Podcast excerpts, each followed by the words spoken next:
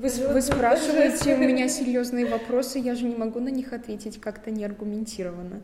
Ну, надо выглядеть серьезно, если у нас такое тут мероприятие. Ну, когда... В середине сентября команда «Нанук» вместе с антропологом Арвидасом Гришиносом побывала в Риге, где в культурном центре «Канопис» провела двухдневный мастер-класс в рамках проекта о русскоязычной молодежи балтийских стран, о сегодняшних школьниках и студентах, будущих деятелях своей страны. Участники создавали свои портреты при помощи слов, коллажей и фотографий. Фотожурналист Артурас Морозовас рассказал про историю селфи со времен Ренессанса и дал задание сделать говорящее селфи. Ну, у меня не было никаких представлений, чем мы будем заниматься, но для меня было важно, что мы поговорили про фотографию, потому что я увлекаюсь фотографией. Как ты собираешься это использовать в своей какой-то дальнейшей деятельности? Я буду еще серьезнее и более трепетно относиться к фотографии. У микрофона Инна Шилина. Вопросы также задают Арвидас и Артурас. Вы услышите и звук его фотоаппарата. Мы беседовали о личной и общественной перспективе, экологии и феминизме, безопасности и поп-культуре и даже поискали свое место на фотографиях прошлого века. Каждый немного о себе. Миша. А, всем привет, я Миша, мне 19 годиков.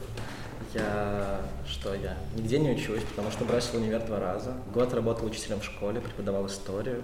Чем я занимаюсь? Так, ну я играю что где когда. Там даже чемпионат Латвии школьника я давно выиграл. Даже мне говорят, что выиграл чемпионат Эстонии, но я этого не помню. Но вроде дома медали и кубок есть. Дебаты играл, сейчас тренирую больше. Я выиграл второй крупнейший русский турнир, русскоязычный турнир и занял второе место на первом. А, я не знаю, почему про Сережа про это не сказал, мы с ним подкаст записывали. И Сергей. Я сейчас заканчиваю Долгопилский русский лицей. Мне повезло, несмотря на то, что я живу в Долгопилсе. Типа, я учусь в ну, довольно хорошей школе престижной, которая там занимает очень высокий рейтинг. То, как он рассказывает об их подкасте «Браткаст», отчасти можно отнести и к тому, что вы слышите сейчас – подкаст, он идет уже как бы сразу с бэкстейджем. И у зрителя, возможно, слушателя точнее, появляется некоторое ощущение, что это не он сидит тут, а кто-то там где-то что-то записывает, вау, подкаст, а он как будто бы сидит вот вместе с нами в этом кругу. И точно так же там пьет дюшес. В бродкасте участвует также и Никита – да, меня зовут Никита, я учусь в 22-й Рижской средней школе, это тут неподалеку, в принципе. С нами Елизавета. Второй жизни, половине, где я общаюсь с латышами, у меня Элизабета. У меня даже в социальных сетях Элизабета, потому что большинство моих друзей латыши. Я даже очень сильно задумываюсь поменять именно Элизабет. Да, я заканчиваю Ригс Макс Медиу Техникумс по специальности мультимедиа специалист, специалист мультимедийного вот этого всего. И я увлекаюсь фотографией, да, портреты в основном фотографирую. И Рамона. Рамона. Музыкой. М-м, люблю фотографировать, но это хобби. Очень поверхностное. А музыка как? Э, гитара и пою. И еще занимаюсь дебатами. Хожу в состав международной команды по дебатам. Пока учусь в одиннадцатом классе в школе. Говорят о месте, где живут, городе и стране. Даугавпилс такое место, да, как бы, ну, вот, не знаю, там, там ничего не происходит, по-моему, вообще. То есть я не... Да, там очень... Он, да, Даугавпилс просто как Монголия. Никто не знает, что происходит в Монголии, никто не знает, что происходит в Даугавпилсе. А, а, но ты с Риги. Я с Риги, да. Я действительно очень кайфую от Риги, потому что это такое вот, по-моему, идеально балансное смешение вот русской культуры, которая все еще осталась после вот, ну, Советского Союза, всего такого, и все же европейских ценностей. То есть э, здесь довольно-таки, ну, опять же, толерантное э, общество, думающее, но при этом э, ну, нету крайне вот радикально либеральных каких-то идей, которые сейчас вот в Европе происходят, или радикально левых, когда там... В принципе, идеальная страна для жизни, потому что здесь есть чистый воздух, здесь рядом есть все, ну, кроме гор разве что. Здесь не, не, не критически жарко летом, здесь не критически холодно зимой. Ну, разве что дождь слишком часто, но кто, кто не любит дождь, под ним можно прятать свои слезы. Хочу уехать. Хочешь уехать? А почему? Ну, я всю жизнь жила в центре Риги, я поняла, что на самом деле Рига не так супер для жизни, потому что я... О своем мире, в котором им всем, как оказалось, не хватает одного и того же – искренности. Это звучит у горожанки Елизаветы, когда она говорит о своем интересе к сельскому хозяйству. У Сергея, который объясняет разницу между постмодернизмом и метамодернизмом. А почему сельское хозяйство? Как-то вот интересно, ты ведь ну, городской житель совершенно, да? Да, чисто рижанка. И сейчас вообще находишься в такой электронной среде, да, мультимедиа, да. программируешь. И вдруг... Ну, из-за того, что я росла в самом центре города, из столицы, я так сильно устала от этого всего. И я побывала в этом году в одном чудном городе Малново в Латвии. Это просто на границе Латвии. Там, в принципе, особо там, ну, нечем заниматься, кроме своего хозяйства. Но мне так понравились люди, что там так спокойно. Там нет вот этой шумихи, никто никуда не спешит. Все делают то, чего хотят. Люди честные. Ну, отличается очень сильно все. Мне кажется, мне не хватает вот этого покоя и чистых людей, что ли. Отличие метамодерна от постмодерна ну, заключается в том, что метамодерн, он как бы содержит в себе постмодерн, то есть просто огромную кучу иронии, шуток, возможно, каких-то масок иногда, ну вот чего-то такого, но при этом среди всего этого пробивается искренность периодически. В постмодернизме и в постмодерне типа искренности очень мало обычно, потому что ну, она прикрывается все время иронией. То есть человеку плохо, он смеется над этим, ха-ха-ха, все хорошо. А в метамодерне он посмеется, посмеется, в какой-то момент сорвется, начнет рыдать, выливать свою душу на что-нибудь такое, а потом все вернется на круги своя. Да. Вот. Ну, да. Искренность, ну, честность. Этой честности ее не хватает, если про нее ее часто не хватает, потому что, вот, например, ну, сейчас постепенно общество движется к метамодерну, потому что это следующий ну, этап в социуме, ну и культурный. И, соответственно, ну, как бы общество идет вперед туда, вот, к метамодерну, или уже в нем находится. Но постепенно. И, например, феминизм как раз-таки борется и за искренность в том числе. То есть, э, я уже говорил, по-моему, вчера, что я... Э, я не уверен, что я прям могу считаться профеминистом окончательно, вот. Радикальным, конечно, никогда не стану, но я очень много понимаю, в принципе, в этой теме. Э, пару блогов очень, э, ну, таких хороших читаю, смотрю на эту тему. И понимаю, например, что феминизм, он нужен не только женщинам, и, ну, как бы он не только про женщин. Он и мужчинам, например, тоже очень сильно помогает, вот, например, в плане вот этих вот всех гендеров. Сергей связал искренность и с современным феминизмом. И это как раз-таки и есть э, тема с искренностью. То есть, если бы искренности не было, все бы такие, да ну зачем этот гендер, мы же мужики, пойдем там рубить лес. Э, ну, как бы вот такие штуки. А появление искренности, оно позволяет э, ну, мужчинам многим или женщинам сказать, что вот я типа не, э, ну, не отношусь полностью к там, представлению об ну, идеальном там, маскулинном мужчине, идеальной женственной женщине. Э, они могут сказать теперь, что вот, мне иногда бывает больно, грустно, я мужчина, я тоже плачу, я женщина, я иногда хочу разобраться в карбюраторе. Ну, то есть, э, ну, вот такие штуки. И это очень важно в обществе, на самом деле. А Рамона призывает к доброжелательности. Есть какие-то темы, которые вот не хватает э, дискутировать, дискуссии не хватает в обществе? Мне почему-то складывается мнение, что уже слишком много было, было разных дискуссий на разные политические темы и на экономические, что нужно бы уже взяться за такое, чтобы показывать детям и молодежи, что надо относиться к людям доброжелательно, потому что как-то очень много негатива и в медиа, и в дебатах, которые не всегда как-то оправдан.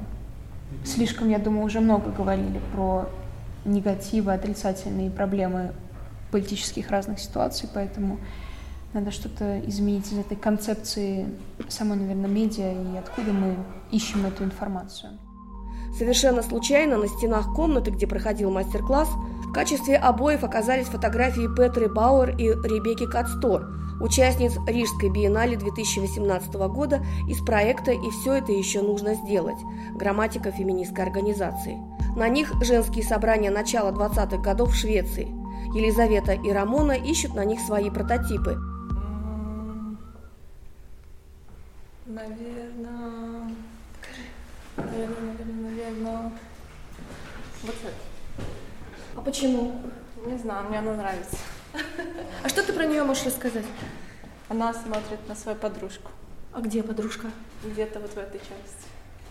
Но она не, не участвует и не слушает, да? Она отстранена вся, да? да, да. А ты? Ой, простите.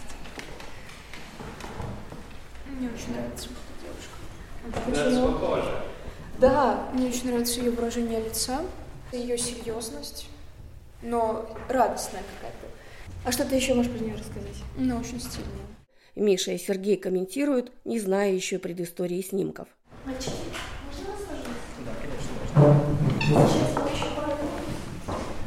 Как вы думаете, что они читают?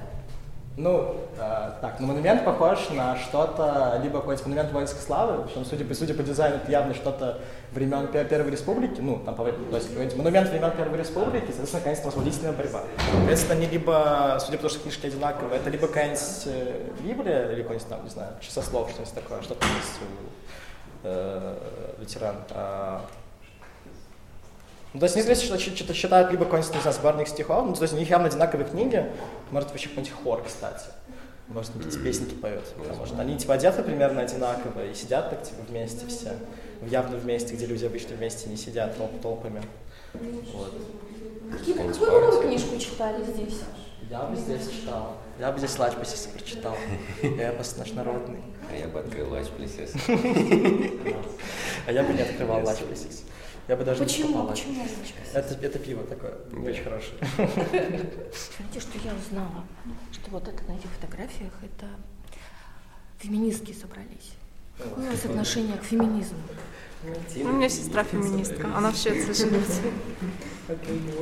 Сестра феминистка, а как ты себя отличаешь себя? Вот она феминистка, а ты не феминистка. Вот какое различие? Ну, у нее, допустим, такие понятия для меня не особо, что она лифчик не носит, потому что она считает, что это равноправие и все такое. Такая, ну, мне комфортно из лифчик. То есть она только такие внешние проявления? или Нет, она тоже, еще? она очень, вот с ней нельзя спорить вообще вот таким поводом, когда сексизм и все такое. Она очень такая э, своевольная. А ты? Ты как? Я к нему никак не отношусь. Но радикальный, мне кажется, это перебор. М. Именно когда идет не идея равноправия, а уже какое-то унижение мужчин, тогда это уже и не считается, наверное, феминизмом. Феминизм вам чем-то в жизни помогает? Но мне помог то, что происходило раньше, потому что я могу сейчас в универе учиться и работать. Это очень круто, я считаю. А за какие права сейчас феминистки должны бороться в таком случае, чтобы не раздражать вот лично вас? Они меня не раздражают. Не раздражают? Нет. Вообще. Я, ну, мы просто сказали про радикальное такое. Радикальный, я не считаю это правильным. Он меня не А в раздражает. чем радикализм? Ну, Я же объяснила, что это уже начинается унижение мужчин. а Ну да, какое-то каким образом? А каким образом? Идея самого феминизма – это ставить э, всех людей, в первую очередь, не делить их на стереотипы, а все мы люди, в первую очередь. Не делить их на мужчин и женщин и добиваться таких прав, которые сейчас у нас есть. Я могу носить джинсы, могу учиться в университете, могу работать сколько я хочу и где я хочу. Могу пойти в армию, могу пойти работать в школе. Я могу работать также и на мужской профессии, и на женской. И феминистки добились этого, что я могу делать так, как мне бы хотелось сейчас. Ну вот они в прошедшем времени, говоришь, добились. А чего бы сейчас надо было бы? Над чем бы надо было бы сейчас поработать? Мне кажется, сейчас надо поработать над другими проблемами. Ну какие? Э, Вот Ну, экология, допустим. Уже сколько раз сказали, что скоро планета взорвется от потепления, и мы все умрем в пластике и все такое. Мне кажется, сейчас об этом нужно думать. То есть, ну, как бы здесь не, мы не разделяем на феминизм. да, Ну, сейчас уже комфорт, мне кажется, для всех создан. Ну, в Латвии у нас очень спокойно к этому относятся. То есть все на равных и все спокойно. Учитывая, что в Латвии типа особая ситуация. У нас, по-моему, типа, первое место в Европе и второе в мире по равенству полов. Поэтому у нас То есть у нас, у нас немного по-другому все. У нас там, у нас женщина-президент была там, типа, в, в, в 99 году, извините. В 99 по 2007 год, иначе до сих пор считается типа, вторым лучшим президентом в истории Латвии после Карлиса Ульманис, который вот, в, в, последний президент времен Первой Республики был. Поэтому у нас, в принципе, очень хорошо в обществе в этом плане, она очень толерантна, то есть и к людям нетрадиционной ориентации относится хорошо, и там каким-нибудь э, трансгендерам, еще кому-то, то есть ну, проходят спокойно э, те же гей-парады, э, некоторые люди, конечно, ну, недовольны этим, но я, например, общался вот с некоторыми такими людьми, спрашивал их мнение, и некоторых именно раздражает не сам факт того, что это именно там гей-парад и пропаганда каких-то вот таких неправильных с их точки зрения ценностей, а в том, что просто, ну, эта культура еще довольно-таки все же молодая, и поэтому эти гей-парады, они больше похожи на вот ну, сходку подростков, которые такие хотят всем что-то доказать, и поэтому ходят, э, кричат, орут, э, ну, вот все на показ делают, э, вместо того, чтобы просто собраться вместе и отдохнуть. Но я думаю, что к этому все еще придет. То есть у нас все-таки, наверное, эти парады отличаются от каких-нибудь там в Нидерландах, например, или там в Германии. То есть людей э, у нас не особо э, популярное мнение, что, например, там геи не люди, женщины не люди, еще кто-то не люди. То есть у нас все люди, все молодцы. Ну, я всегда думал, что у нас такой высокий уровень толерантности, потому что, по крайней мере, в латышской среде. Мне всегда кажется, что латышская среда, мое, мое чувственное ощущение, если мы берем, вот, не знаю, какую-то общую сред, среднюю температуру по палате, больницы, то вот латышская среда, она всегда более толерантная, потому что там как-то больше каких-то, вот, не знаю, националистических высказываний, больше идей. Но вот они всегда была как-то более толерантная в плане вот, отношения к каким-то меньшинствам, большинствам, мы не говорим про радикалов и неадекватных людей. Так как наши собеседники в основном еще школьники, мы поговорили об атмосфере в их школьных коллективах и в обществе в целом, и очень логично перешли к заботе об экологии атмосферы Земли. Вокруг тебя много лжи? Ну, из-за того, что я веган, очень много, пос... ну не поссорилась, а очень людей, я поняла, что я зря с ними общалась. То есть они агрессивны к тебе? А, некоторые люди очень сильно настаивают на своем мнении и не понимают, что меня это затрагивает очень сильно. Я сейчас, в принципе, не разговариваю с большей частью класса, потому что одна девочка охотница, и она мне прямо в лицо сказала, что ей нравится израть шкуру с олененком, но мне было неприятно особо это слушать. А мне интересно, в какой момент возник этот конфликт? А, ты об этом громко заявила и всем сказала, что, в общем, ребята, вот я не ем мясо и вам советую его не есть. Я громко не заявляла, это просто, ну, мы на обеде, и они увидели, вот, салат, или я булочку уже не могу съесть, ну, потому что веган и все такое. Ну, это как-то нормально, просто как беседа, что да, я веган, не буду это есть и все такое. Такой конфликт произошел, потому что, ну, всем интересно, почему, как так, а тебе не сложно. И вот эти, ой, а как ты можешь есть еду моей еды и все такое, ой, растения тоже чувствуют боль и все такое. Я эту тему очень сильно изучила, и теперь мне я стараюсь избегать этих разговоров, потому что люди не понимают то, что знаю я. И мне кажется, очень много доказали, что если не будете есть мясо, то с планетой, ну, она в 20 раз, ну, не будет так проблематично с экологией. Ну, и я это все знаю, и со здоровьем это тоже с мясом связано, и с экологией, ну, и мне как-то не то что грустно, а просто уже не вижу смысла разговаривать с людьми, которые вот зациклены. Вот мне так сказали, есть мясо и все, я буду есть. Это в твоей именно вот в твоей профшколе сейчас, да, это происходит? Или это в школе происходило больше? Ну, вообще в окружении так особо с людьми, когда общаешься, узнают, что я веган, и так получается разговоры, и я уже устала от этих разговоров, от этих ссор, поэтому я стараюсь избегать этих тем. Знаешь, вот теперь у меня еще такой вопрос. Ты сказала, что ты совершенно некомпетентна в политике. Скажи, пожалуйста, а вот эта вот проблема веган и экология с ней связана, да, и отношение к тебе в школе, в обществе, разнопоколенческие всякие наступления на тебя, да, а это разве отдельно от политики? Ну, я бы с радостью вам ответила, но я вообще нет, ну, скажи, ничего не знаю. Нет, нет, нет, нет, ты вот сейчас сама лично э, искренне просто скажи, разве это не просто запущенная часть политики, в которой ты, в принципе, уже участвуешь. Ну, я согласна, что это запущенная тема. Это этот аспект не только в политике, он запущен во всех сферах, то есть в медицине, бизнесе, в, школах. Это вообще во всем запущено, потому что, ну, мы живем в стереотипах, наверное. Политика могла бы изменить систему образования, может быть, в этом плане, чтобы мы больше изучали всего этого. А, может, медицина как-то повлияла. Ну, политика человечества, это да, связано. Но мне кажется, политика государственная и политика, вот как мы думаем, что мы политика, это разные вещи. Сейчас мои возможности только это как-то влиять на мой круг общения. Но если бы политики так делали, было бы здорово, конечно. Вы э, много слышите про, про эти проблемы, про, про экологические проблемы в латышской медии или э, э, русскоязычной медии? Я лично, да. У меня очень... Ну, у меня есть девочка в классе, которая каждый день читает Делфи, просто каждый день по несколько раз заходит. И, в принципе, все новости я узнаю только от нее, потому что она быстрее меня, чем я зайду в интернет. И очень много разговариваем, потому что, ну вот я, допустим, которая меня очень сильно волнует, я с ним буду разговаривать.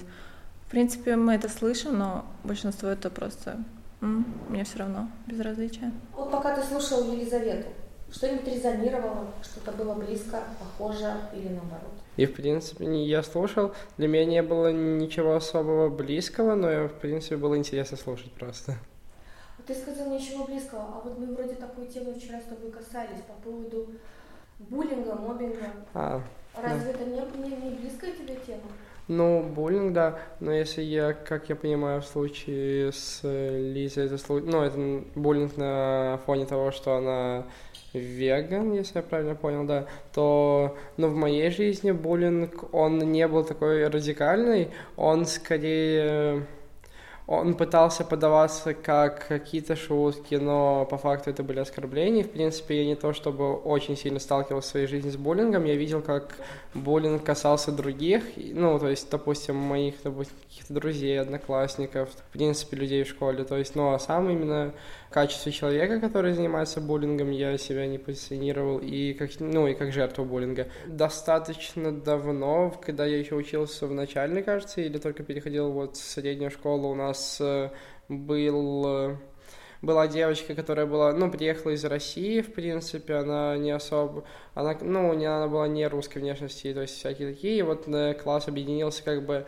э, это был мобинг, который пытались подавать, опять же, как и говорю, они пытались шутя, как бы, ей, но это все равно ее сильно задевало, что привело, ну, не к таким прям очень сильно последствиям, то есть она ничего собой не сделала, это слава богу, то есть просто она ушла из школы, и вот, ну, на фоне того, что...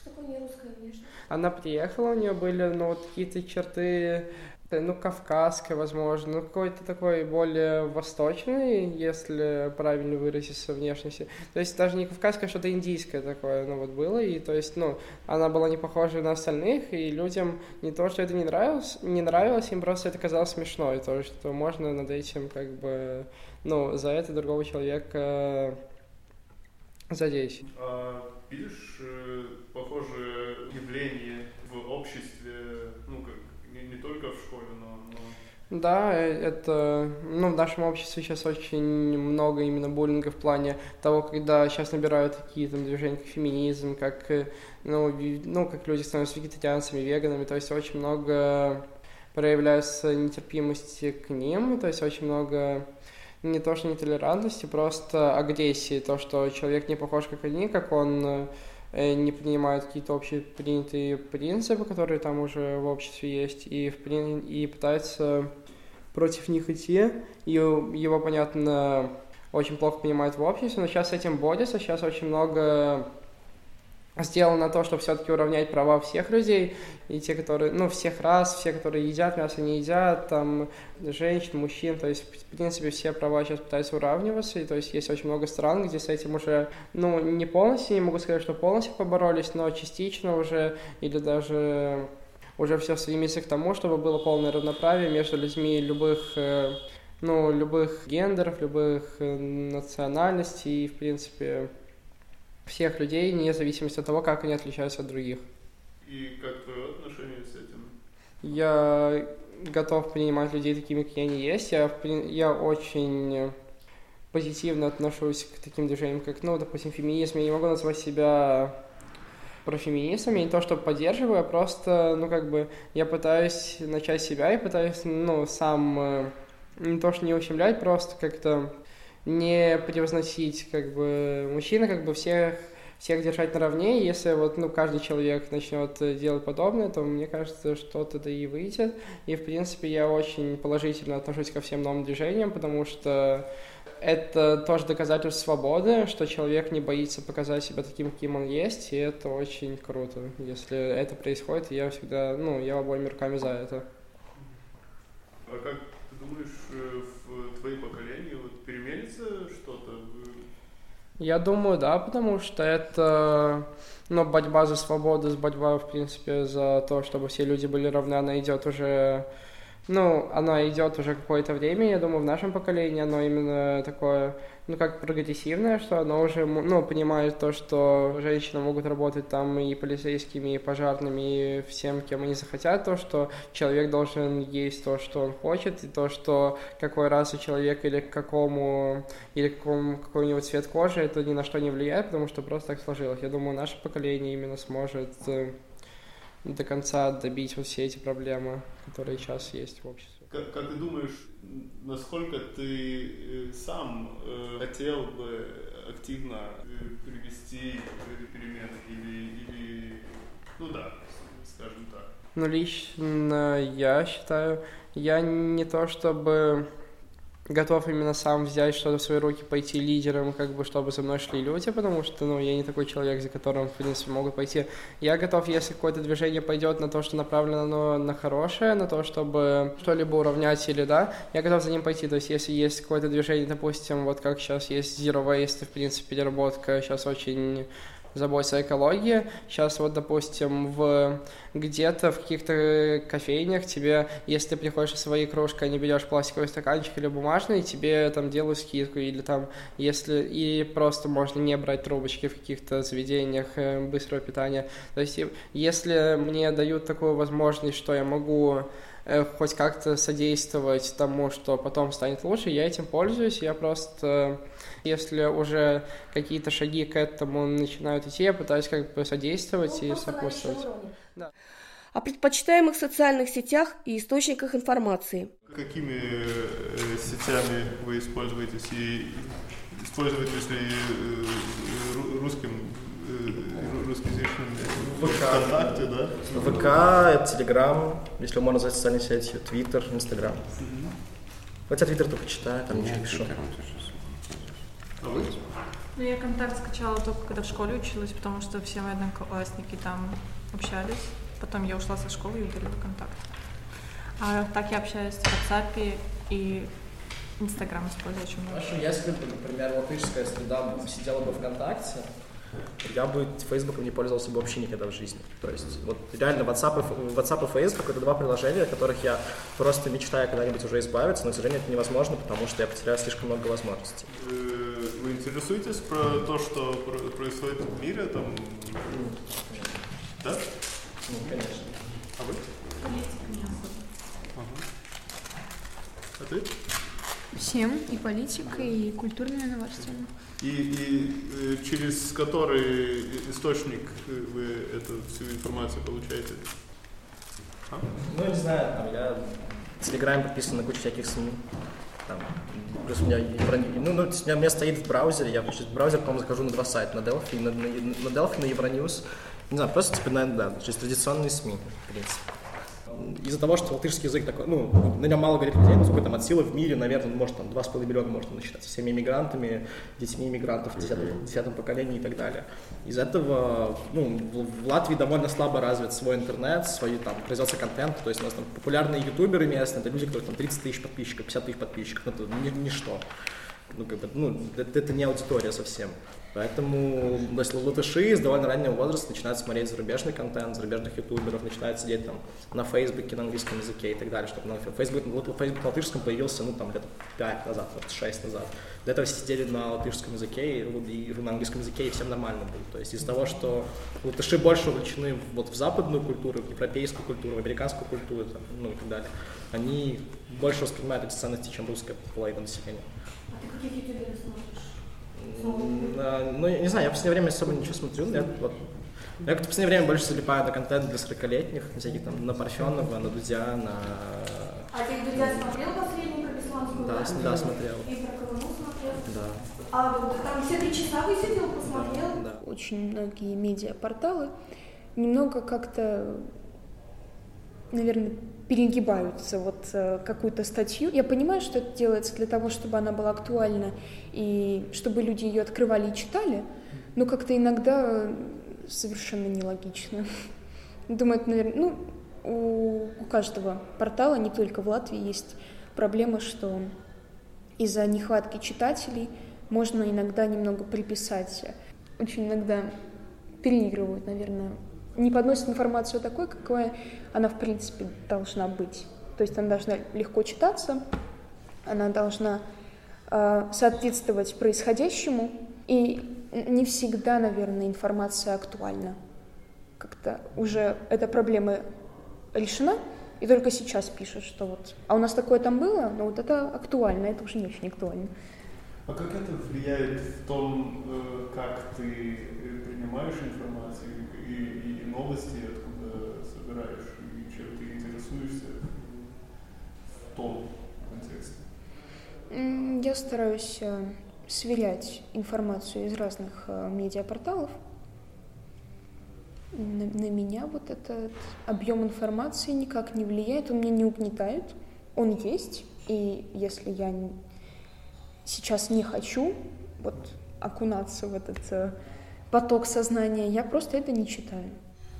Интересно, что ты имеешь этот такой э, ум и иммунитет э, информации, потому что некоторые старшие поколения волнуются, что ну как там наше юное поколение, что, что они там в интернете видят, что они, как ты сказала бы, это твоя такая э, личность или, или твои друзья тоже хорошо э, навигируют э, в этой информации и, и умеют э, фильтрировать?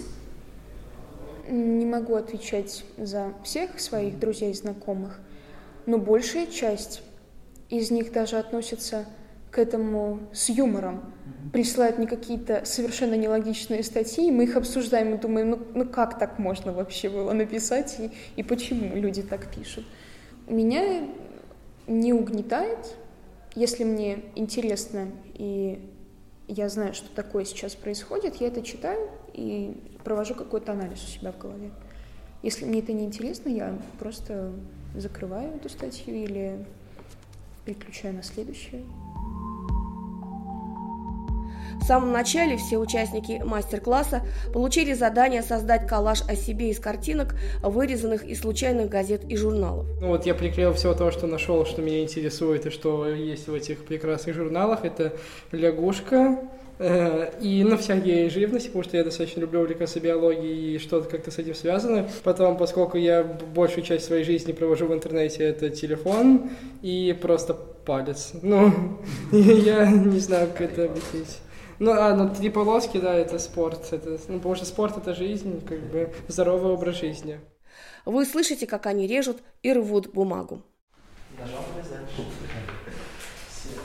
Ты раз ножом перестанешь ходить? Начинаешь как-то... где-то Были, да, они, кстати, не все были. Что, как выйдем, типа, Не-не-не. Даже побольше. Я все сооружаю добро, господи.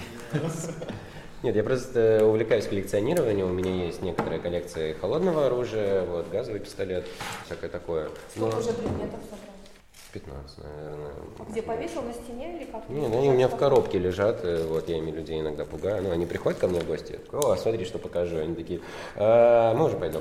Ну, А откуда такой интерес именно к ножам? а я не знаю, мне просто очень нравится эстетически само оружие. Я как бы не, ну, Я убеждаю себя как минимум в том, что я человек не жестокий, и конкретно убивать людей э, у меня нету цели, но просто мне очень нравится сама эстетика оружия. Оно просто ну, очень, очень красиво выглядит само а по если себе. бы ты был не из Даугавпилса, а из Риги, ты бы также интересовался ножами? Очень вопрос. Возможно, если бы я был не из Даугавпилса, мне не надо было бы переживать за свое здоровье так сильно.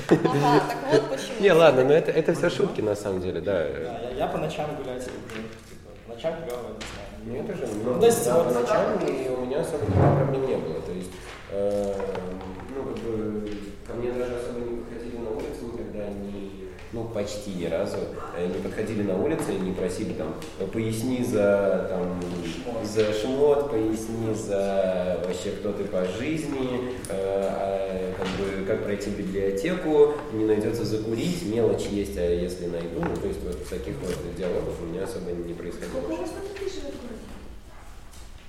100 тысяч примерно, в официальном это такое, я сезонный говорю, там, я летом весенний, типа, Да, там просто еще многие люди, они числятся как бы долгополчанами, но они вот уезжают в Ригу на заработки или еще куда-то там, некоторые вон в Англию едут тоже работать.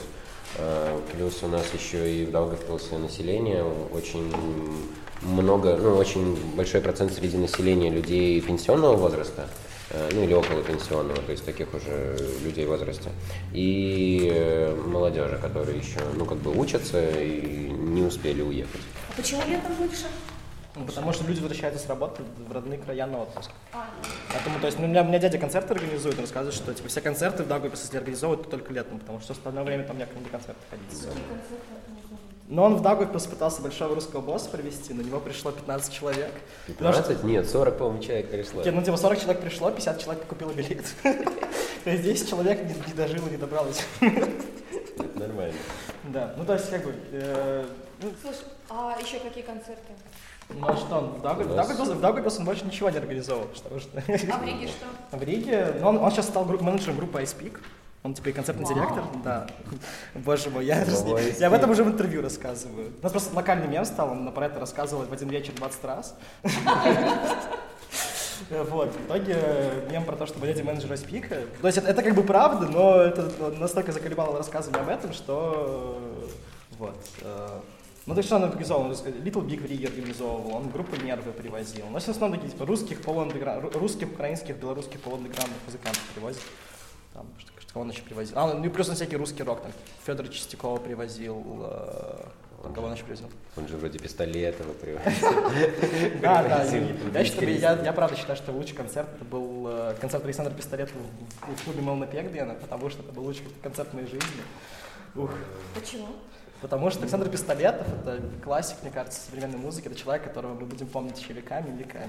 Потому что ну, он, он, он гений. И Он Это такой- другого сильно. такого человека, Александр Пистолетов, нет ни на русской эстраде, ни нигде. Это, А iSpeak, как тебе понравился iSpeak?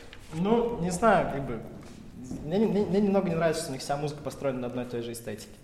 Что у них эстетика впереди музыки идет. То есть, с одной стороны, прикольно, качают, танцевать может, поорать можно. А тексты? Ну, типа тексты, ну, типа текст, что текст? Ну, ну, они такие, они очень корявые, потому что, не знаю, рифмы, я выхожу на улицу гладить, гладить кота, и вы переезжает тачка мента, но это, по-моему, такой себе текст. То есть это яркое заявление, яркий образ, но с точки зрения формы текста мне не нравится. У них есть другие красивые песни, не такие известные, как, как она называлась, «Смерти больше нет». У них есть, моя у них, наверное, лучшая строчка любимая, это а, а, я умираю в России, а, а, от эйфории. Вот это отличная, лу- лучшая патриотическая песня в, в истории. Потому что сразу видно, что, на, на, Настя- на- на- что на- на- Настя и как его там второго, Коля, они за Путина, за правильные ценности. Слезы койки глотаю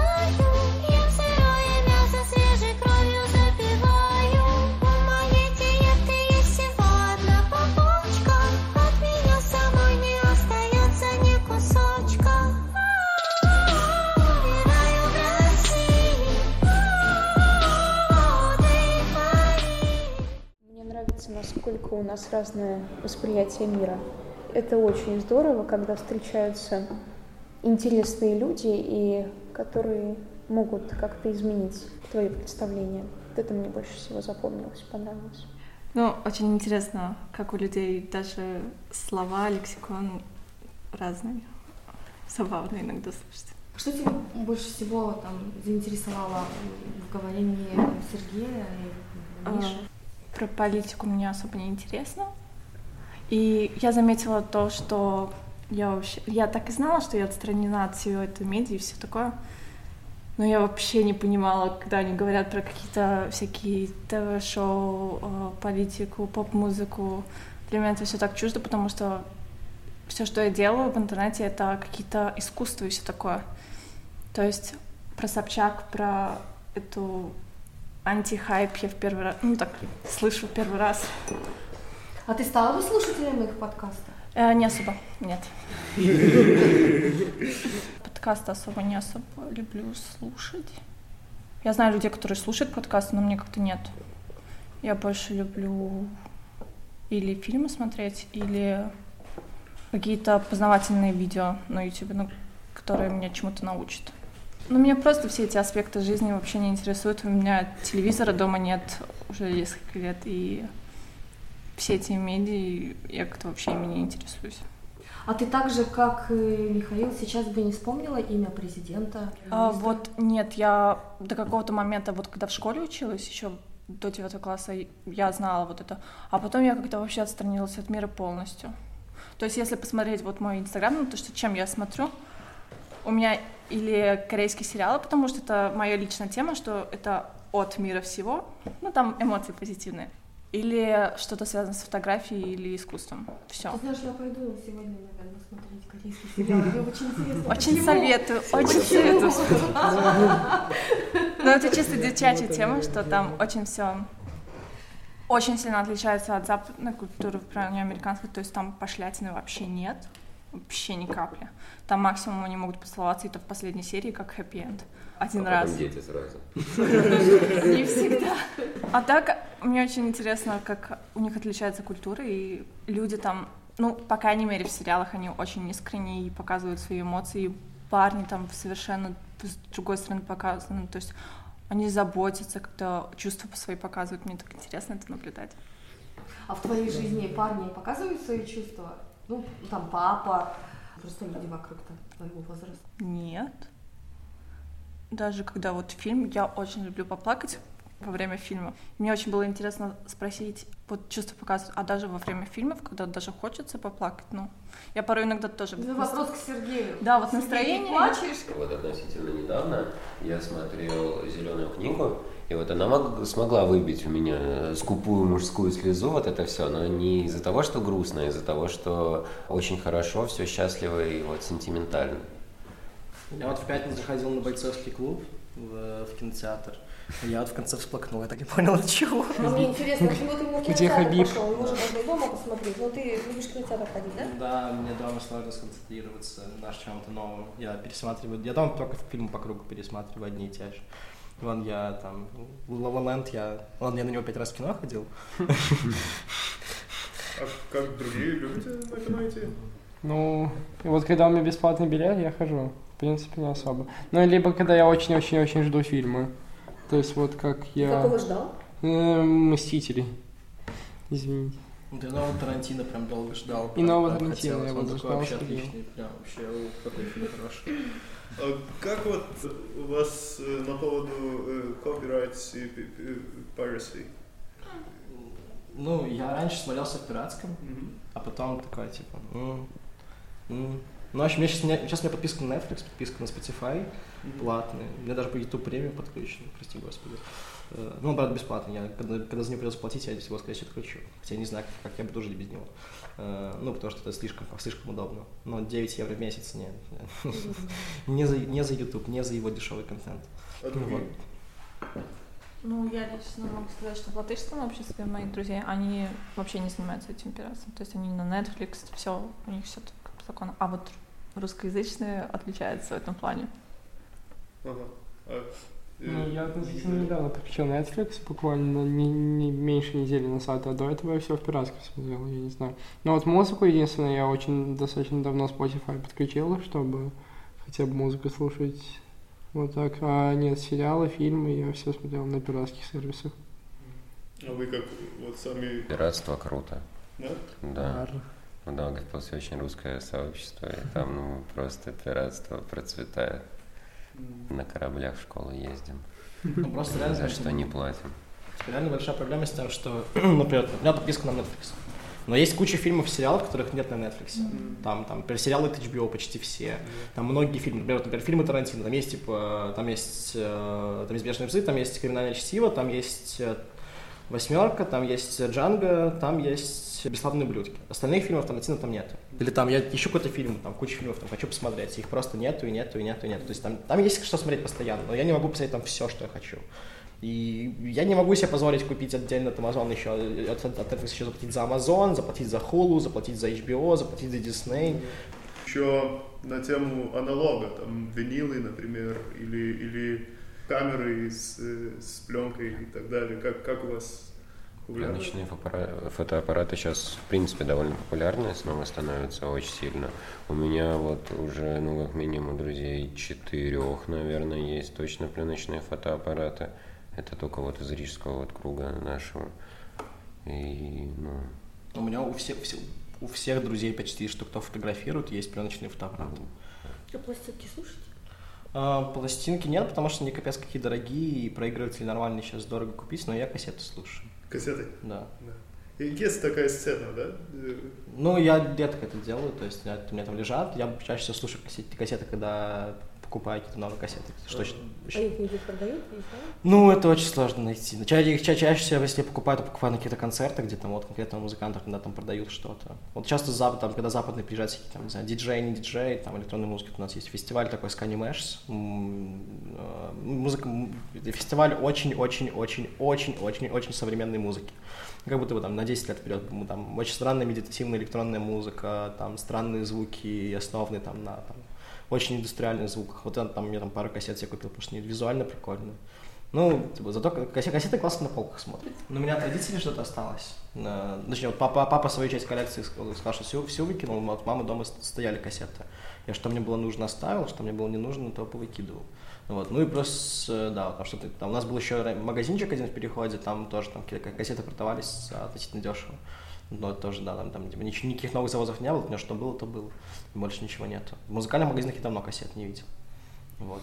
Ну да, в любом случае, если там покопаться и там прям нужно-нужно, то можно там с любого eBay заказать, с Алиэкспресс, там будет стоить по пару евро с кассет.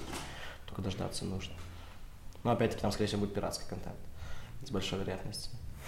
А в Литве есть и такие, ну, как лейблы, которые к- кассеты и вы- выпускают музыку на кассеты, только на кассеты.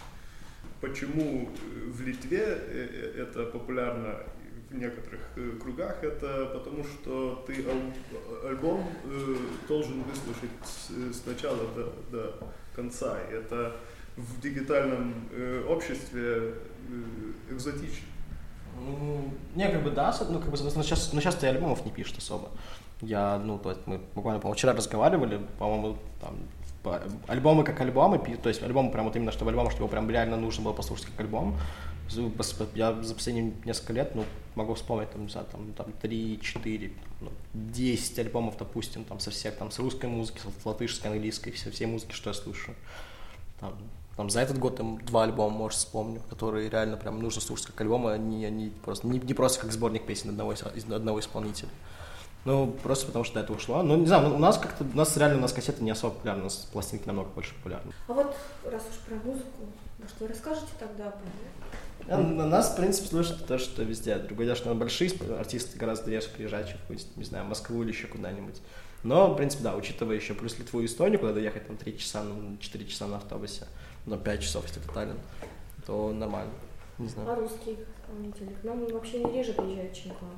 Ну, у нас приезжают, в принципе, все, кто сколько, сколько-нибудь знаменитые. Да, к нам много Ну, приезжают, на самом деле. нравится? Ты сегодня упомянул совершенно мне незнакомое пока имя, я потом буду пробивать это. Белорусский.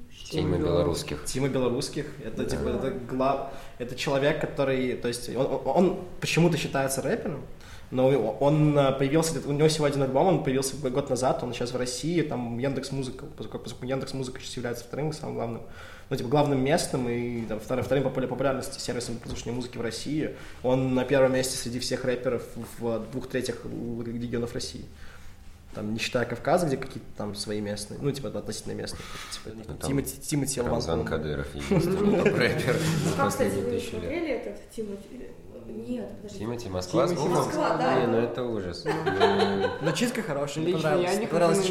Мне реально понравился. Мне, мне очень не нравится обычно, как читает Тимати, но мне понравилось, как он читал здесь. Он чисто технически. Ну, я не говорю про, я не говорю про, я не говорю про содержание. Содержание это, ну, Поставил, дизлайк поставил? я не ставлю дизлайк ви- видео, которое я не, досмотрел. А тебе? Ну, я слышала про белорусских от сестры, но я не слушаю особо так. Но он такой, ну, он типа, он, он прям очень мейнстримный, то есть. М. Мы, мы, то есть я мало слушаю прям таких мейнстримных мейнстримных русских. Есть такие средние, ну то есть есть, условно говоря, совсем мейнстрим, который там на радио крутит и так далее. Есть так, типа, средняя мейнстримная музыка, типа популярная андеграундная музыка. Кого есть таких слушателей? Там Буерак, Айспик, э, Луна. Пасуш. Да, Пасуш, например, да. Пасуш отличная группа, кстати.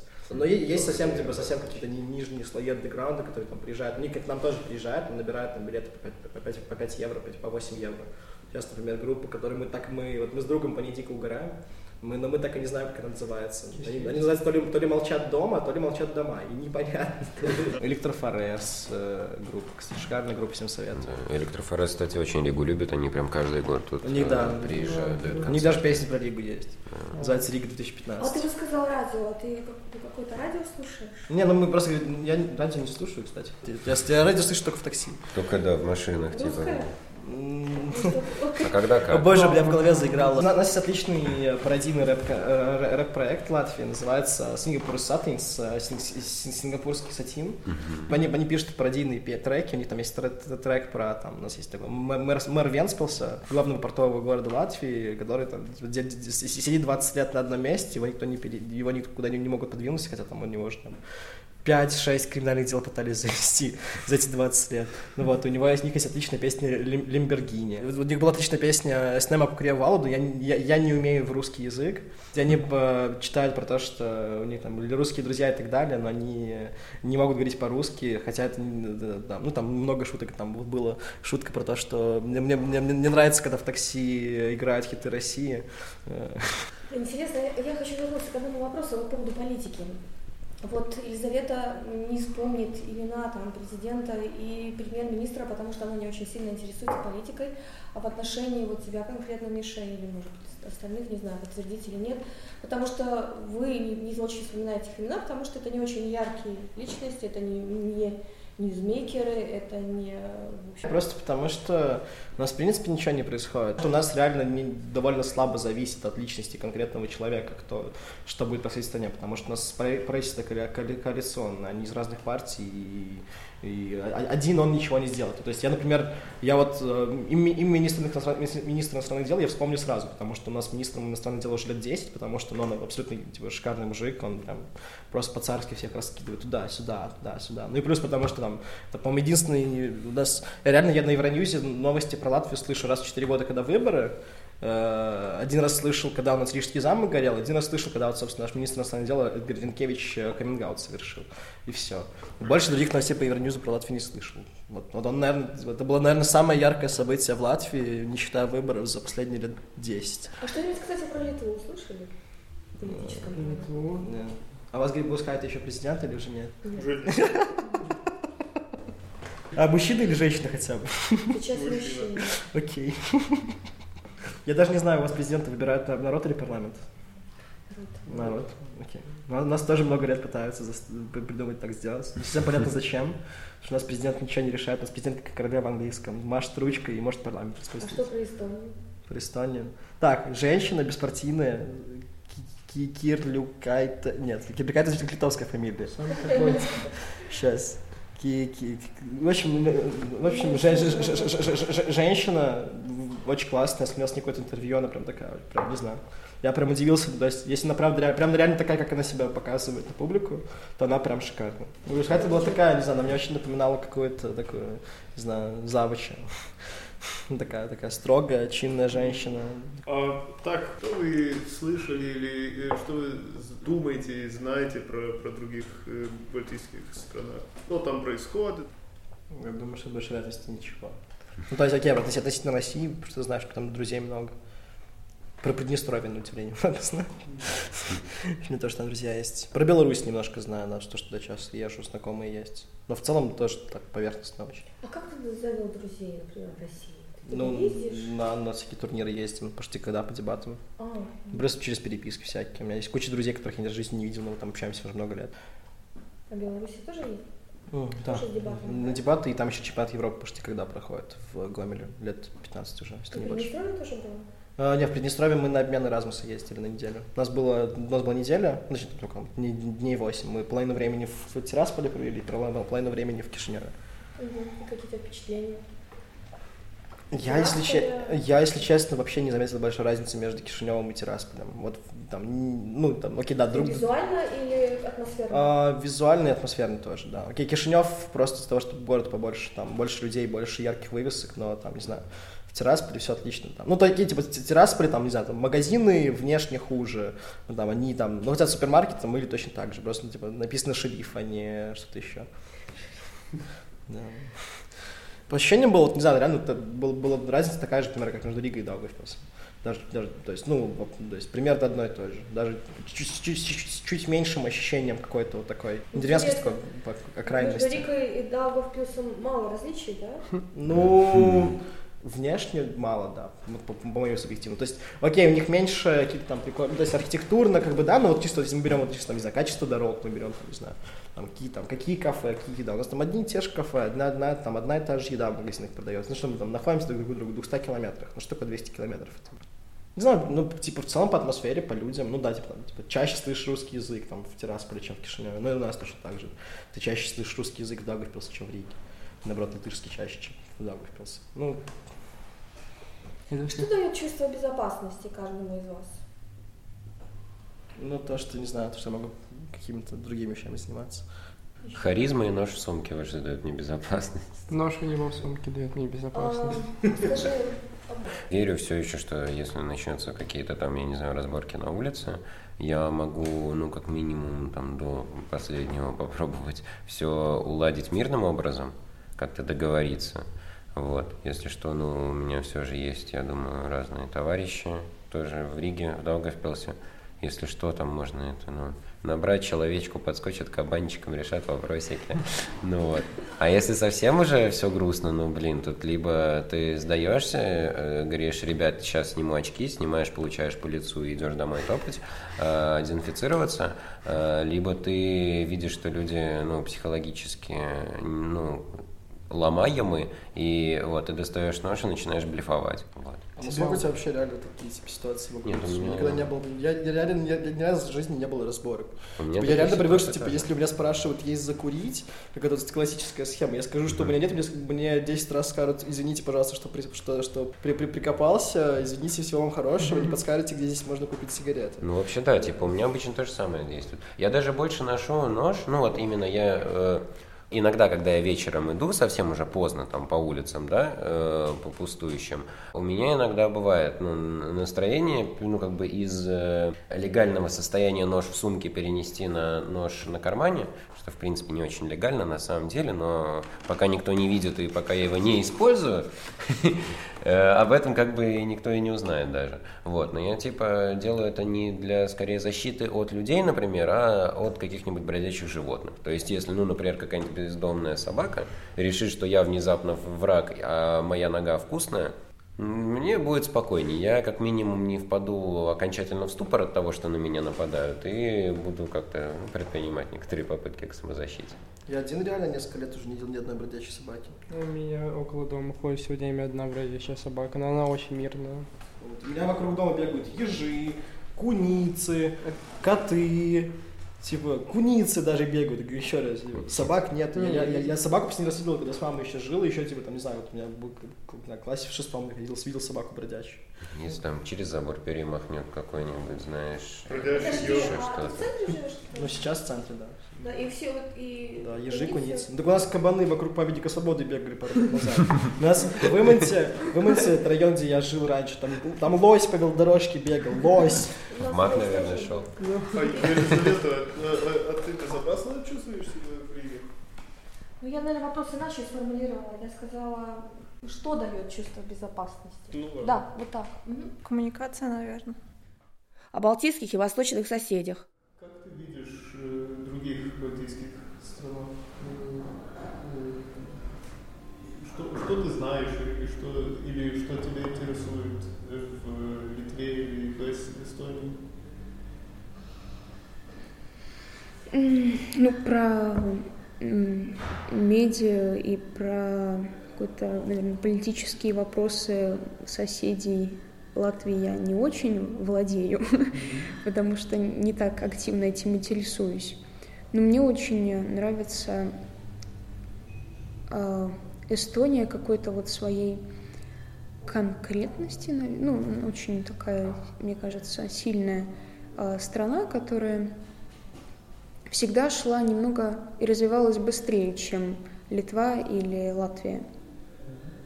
Недавно просто была в Эстонии на дебатерском турнире. Мы просто погуляли по городу и увидели, как, как у них все структурировано, как у них все внешний вид города выглядит приятно, ухоженно, какие люди, какие там цены, как там а, а, решают проблемы экологии и ну, достаточно все как-то конкретно и понятно. Я думаю, через несколько лет и мы дойдем до вот, э, например, сортировки мусора. Я вот все мечтаю, чтобы у нас в городе поставили эти автоматы, чтобы можно было сдавать бутылки. Это просто моя мечта. А их не было до сих пор? Ну нет, нет, такие вот именно как в Литве и в Эстонии, что ты приходишь, можешь кинуть бутылку, и потом тебе выдают чек, и ты можешь потратить его. Такого у нас нету. Это достаточно дорого. У нас просто есть еще такие э, советские точки, где ты можешь ждать стеклянные бутылки и получить за это какие-то копейки. А вот именно таких э, нанотехнологий, как эти автоматы, у нас пока нет. В Риге думаешь учиться или... Пока да, да. Ну, я очень хочу поехать на втором или третьем курсе на программу Erasmus. А где хотел поехать? Мне нравится Польша. Неожиданно. Мне нравится Германия. Ну вот Испания никогда там не была, но как-то меня привлекает, э, наверное, в хорошем смысле простота этого государства и тепло людей, потому что есть несколько знакомых испанцев. А почему Польша? Чем интересно? Я была там э, два года назад на Рождество. Совершенно была спонтанная поездка. Мне очень понравилось, какое там ощущение праздника в городе, какие там люди. И там есть один очень интересный университет, где можно, по-моему, это университет называется так, Польский университет культуры. Там можно учиться на английском, и есть интересные факультеты. Ну, Не знаю, Польша такая и мне кажется, ее недооценивают, потому что больше, большая часть людей проезжает ее мимо или вообще объезжает. Но никто не заезжает именно в Польшу. А там достаточно уютно, и, и людей так много, и у них и какие-то свои есть э, интересные места, ну, как и в любом государстве. А в России? Я была два года назад в Санкт-Петербурге. Как-то у меня сложилось особенное отношение по этому- в этом городе. Люди н- немного отличаются от таких, какие у нас в Латвии. Они очень прямые и открытые. Но это их отношение к жизни не всегда может казаться таким положительным. Но вот пока я бы, наверное, не хотела учиться в России, только потому что диплом будет актуален только в России. А если я хочу поехать как специалист в Европу, я не смогу. Но это единственное, почему я не хочу именно там учиться. А если поехать еще раз э, в Москву или в Санкт-Петербург, то да, почему нет, мне нравится путешествовать. А как тебя принимают в России э, как русскоязычный э, с бальтийских Как-то не было никаких э, ни, ни- ни положительных историй, ни отрицательных.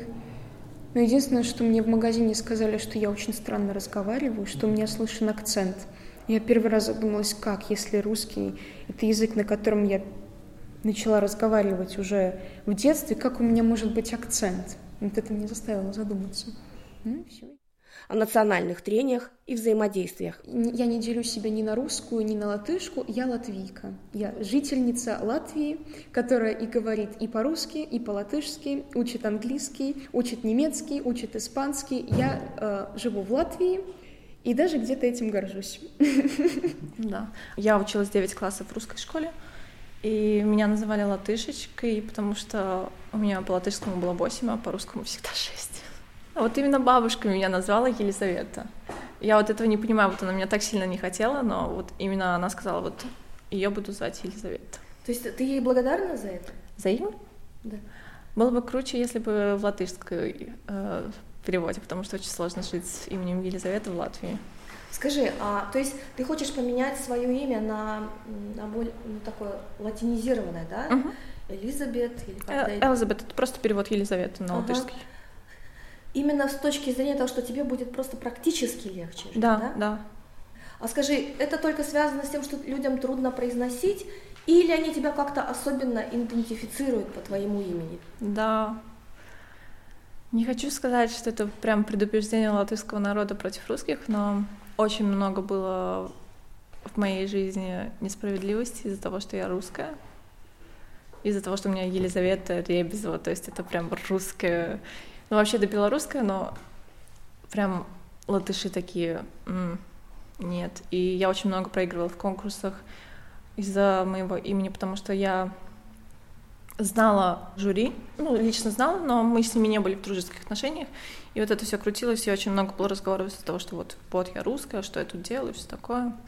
Поэтому практически В каких конкурсах ты участвовала? А, Я очень много участвовала в шитье, по шитью конкурсов. А что шила? Ну, одежду, да. Какую? А, Юбки, платья. Ну, ты что-то нарядное или ежедневное? Ну, я шила пальто. Оно вроде бы ежедневное, я его носила ежедневно, но у нее было очень много бисера здесь вышло, я сама вышивала бисером. Можно было и надеть на парадный выход, но я это носила ежедневно. С подкладкой такой яркой была. кто тебя учил бисером вышивать? Бисером вышивать? Ну, мне, мне кажется, вся семья рукодельниц. Мама вообще, она сумасшедшая, ну, в этом плане.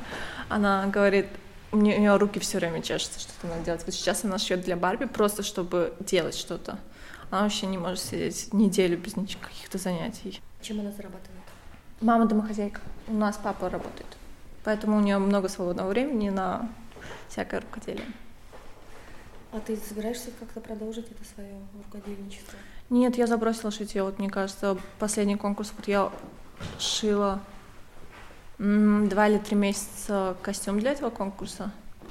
И вот я проиграла, и это было ну просто ужасно несправедливо, потому что выиграла девочка с одним платьем, каким-то, ну, очень простым, а у меня было платье и пальто. И, ну, вс- и потом оказалось, что одна судья поставила меня по нулям, потому что Потому что у тебя имя. да, потому что она знает, что я русскоязычный человек и все такое. Ты думаешь, связываешь это именно с этим? Ну, я знаю точно, потому что там шли разговоры об этом. Мне сказали, передали. Ты растешь, у тебя меняется среда, в которой ты общаешься, и, может быть, становится легче или нет? Или легче не становится? Мне даже ближе латышская культура. Всегда такое... Я представляю, как Элизабет, она говорит, что у меня в паспорте Елизавета, они такие сразу с такими, «М, что? Ну, какое-то маленькое предупреждение перед общением со мной есть, а после общения уже в порядке. А акцент у тебя есть? У меня акцента нет. У меня очень много людей после общения со мной, не знаю, прошел год, и человек знал мое имя и фамилию, и он через год меня спрашивает, ты русская? Такое, что? Я такая, ну, в принципе, я не русская, я русскоязычный человек в Латвии. Я сталкивался с этим, когда мне что-то говорили про мой, ну, какие-то- про мой смуглый цвет кожи, там, в принципе, про то, что у меня, ну, есть э, турецкие, армянские корни, про вот это. Я, в принципе, я воспринимал это как то, что иногда человек хочет целенаправленно меня задеть, но, в принципе, я просто не придавал этому внимания и просто не общался с этим человеком. А какие тебя люди окружают? На удивление замечательные. Я очень рада, что вот сейчас мой круг общения небольшой, но мы уверенно расширяемся, и очень большое влияние, конечно, оказывает моя семья на это. То есть это люди разного возраста и разных поколений, Конечно. разной среды, да? Конечно. А в круге э, друзей э, по национальности разных друзей? М, Конечно, Латвия, я думаю, достаточно многонациональное государство. У меня очень много друзей латышей, много русских, потому что я учусь в русской школе. Некоторые ребята, с которыми я общаюсь, это люди, с которыми я познакомилась на каких-то проектах, и они совершенно разных национальностей, поэтому такое многонациональное культурное общество, я думаю, тоже формирует какое-то представление о, о среде и о жизни, что есть не только а, так, как ты видишь эту ситуацию. Есть человек, который смотрит на это немного по-другому. Это очень интересно обсуждать.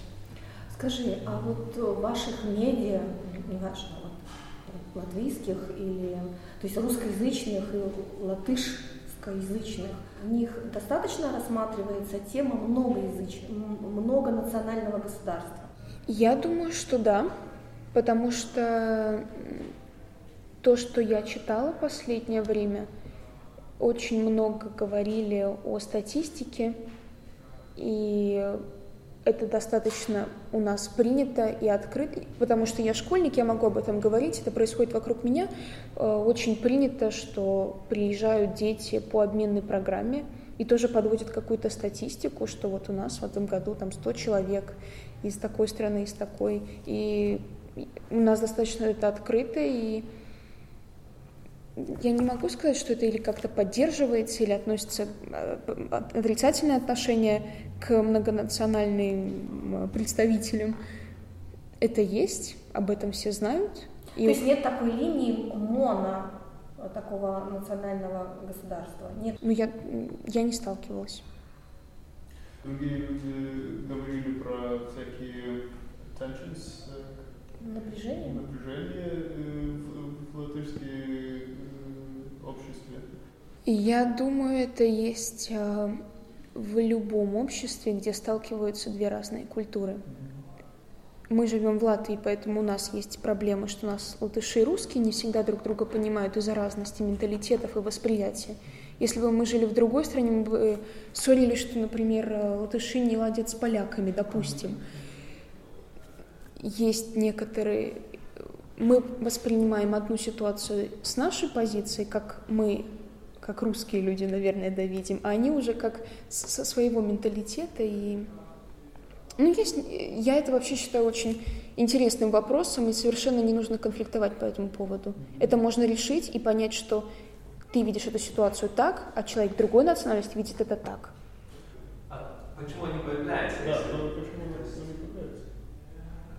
Наверное, это из-за какой-то нехватки воспитания. И, может быть, не всегда подходящего образования. Потому что я никогда не видела, чтобы люди с высшим образованием и, в принципе, с высшего общества могли осуждать друг друга только потому, что у него не такой цвет кожи или потому, что он говорит с акцентом. Обычно это происходит у людей низкого интеллекта и, в принципе, низких представителей нашего общества. Если этот человек развит интеллектуально и культурно, он никогда не будет обижать или унижать другого по таким вот мелочам. И это, в принципе, считается логическая ошибка. Ну, мы же не можем обижать друг друга, потому что я ношу очки, ну а вы не носите. Ну, это глупо. А ты говоришь латышском, да? Конечно. С акцентом? А, Когда я общаюсь с носителями, они говорят, что достаточно слышится в некоторых словах. А так как у меня латышское окружение, я верю, что этот акцент спустя некоторое время пропадет. А тебе важно, чтобы он пропал?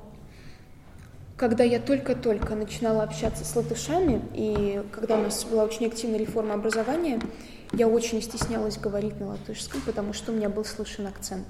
А ты сталкивалась именно с негативной реакцией, что у тебя... Мне никто никогда не делал замечания, что я говорю с То есть акцентом. это речь идет только о каком-то своем несовершенстве? Есть- Я, я хотела говорить хорошо, потому что я знала язык хорошо и продолжаю его совершенствовать. Но мне хотелось из-за того, что у меня хорошие знания, и говорить хорошо. И мне лично хотелось говорить без акцента. Но мне никто никогда не делал замечания, что вот я произношу какое-то слово неправильно.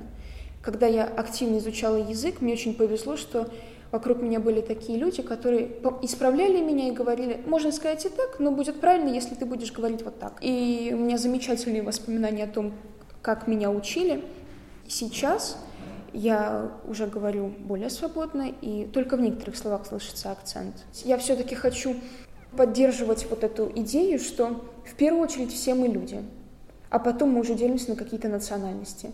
И если тебе приятен человек, то совершенно ну, не важно. Ну, У меня, у меня в латышском акцент такой, что мне люди говорят, что я походу звучу как... То есть лю- люди не из Риги говорят, что я звучу прям очень сильно как рижанин. То есть вот я говорю, я говорю по-латышски как рижанин, но у меня прям живой, настоящий, там, свободный латышский язык. Там я на латышском универе учился, на, на латышском работал, там на латышском частично в школе преподавал, ну, просто билингвальная программа была. И... Но там, да, в англи- в англи- в английском вообще всем пофиг на акцент, если ты говоришь понятно и членораздельно, то лишь бы грамотно говорил, потому что, ну, в конце концов, у меня далеко не худший акцент. Учитывая ирландцев, например, или там индусов, которых, ну, довольно сложно бывает понять, э, которых много вокруг, ну, в ка- в каждом кебабе по- индусу, под- как на акцент реально всем плевать. Но с другой стороны, да, у меня и в русском акцент есть. Мне говорят, что я- люди из России, из Беларуси говорят, что я э, говорю по- по-русски с очень легким, таким неуловимым акцентом.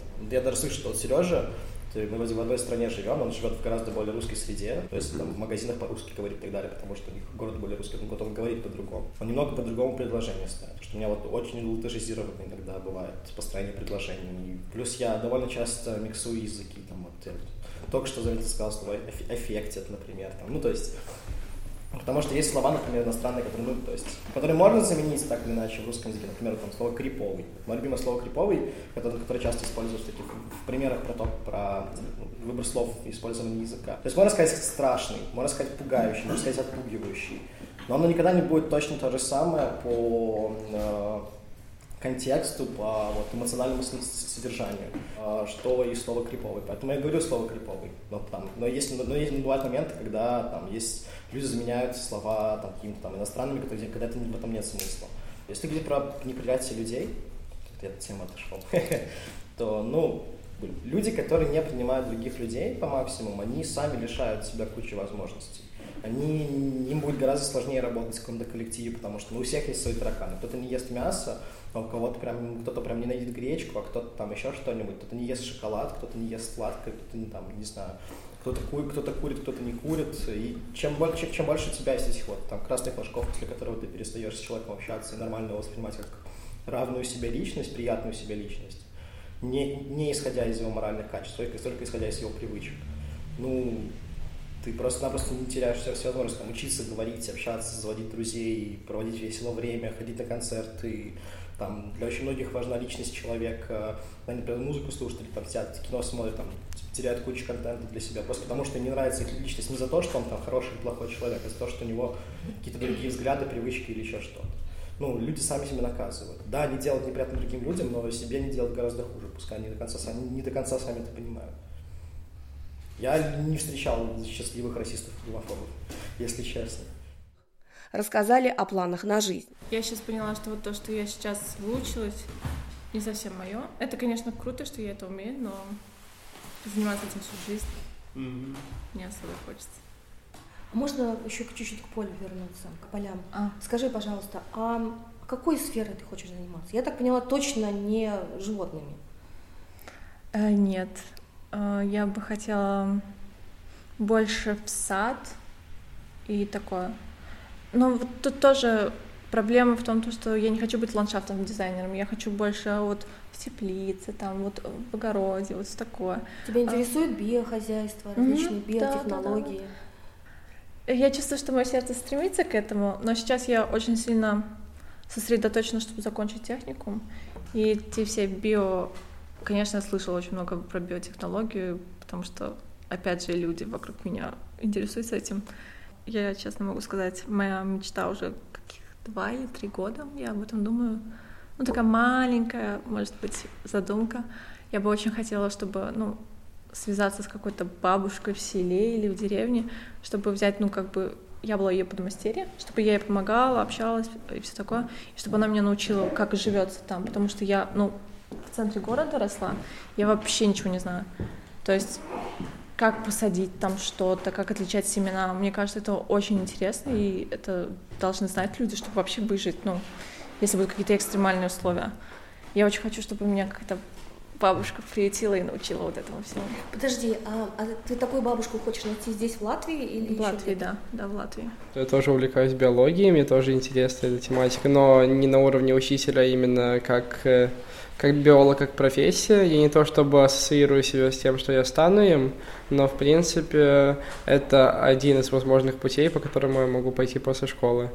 Ты сейчас последний год Да. Это сложный вопрос, я не знаю, я очень ленивый человек. Я думаю, либо на программиста, может быть, пойти.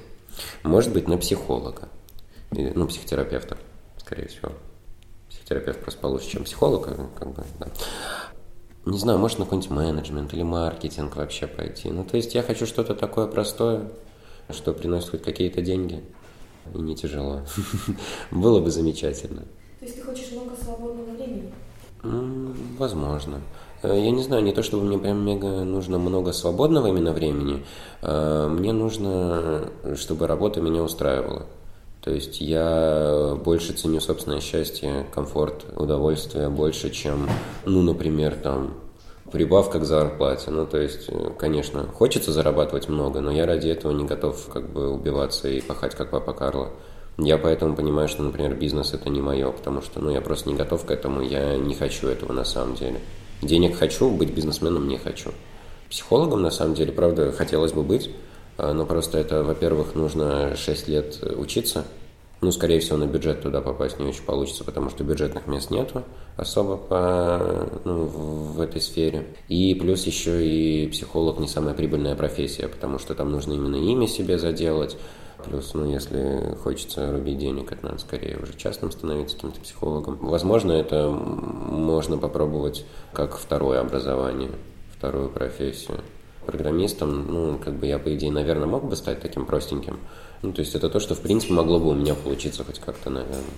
А слушай, а ты в политику не хотела пойти? Не думала Я какое-то время хотела учиться э, РСУ, это у нас Страдани университет есть такой, и там очень хороший факультет э, политологии. Я пока думаю, думаю, просто у меня есть еще год подумать, я сейчас в 11 классе, Ну, буду искать, что будет. Просто очень много специальностей сейчас э, э, в хорошем смысле у них нет узкого профиля. Я могу с образованием, например, антропол- антрополога работать как в какой-то компании, как и в музее, э, как и в школе. И это хорошо, что есть столько возможностей. Но с другой стороны, это и так сложный выбор, чем ты хочешь заниматься в жизни, так еще и столько возможностей, куда идти. Поэтому с образованием политолога тоже можно а, не только пойти в, э, в политику. Ну, вот я сейчас тебя спросила не в том смысле, что ты будешь изучать политику. А, меня интересует, например, хотела ли бы ты сама участвовать в политической жизни? Ну, например, Конечно. вступить в партию, Да. создать свою партию. Ой, я Если бы хотела ты пошла да. в партию, какую бы партию ты выбрала? Ой, я не знаю вообще про на- настолько еще не думала. Я имею в виду, Просто- может быть, не название партии, а направление. Там, либералы, э, Ой, нет, нет, нет, нет, я уже не, не готова на такое ответить, Ага, пока я еще настолько глубоко об этом не задумывалась. Но мне просто кажется, что э, если у меня есть какое-то мнение, и не только моей маме кажется и моему папе, что оно хорошее мнение, то почему бы этим мнением не поделиться с другими? У меня была возможность присутствовать на заседаниях в, в Рижской думе, и мне очень понравилось, как проходят дискуссии, как они принимают решения, как вот э, у них происходят какие-то конфликты, которые они пытаются решить на месте. И это очень интересно. Если это изучать и потом вот в этом участвовать, то можно что-то попробовать. Например, Мастер-класс и подкаст в рамках проекта о русскоязычной молодежи стран Балтии поддержал Совет министров северных стран. Вы можете патронировать подкасты Найла.ру на patreon.com на нук мультимедиа.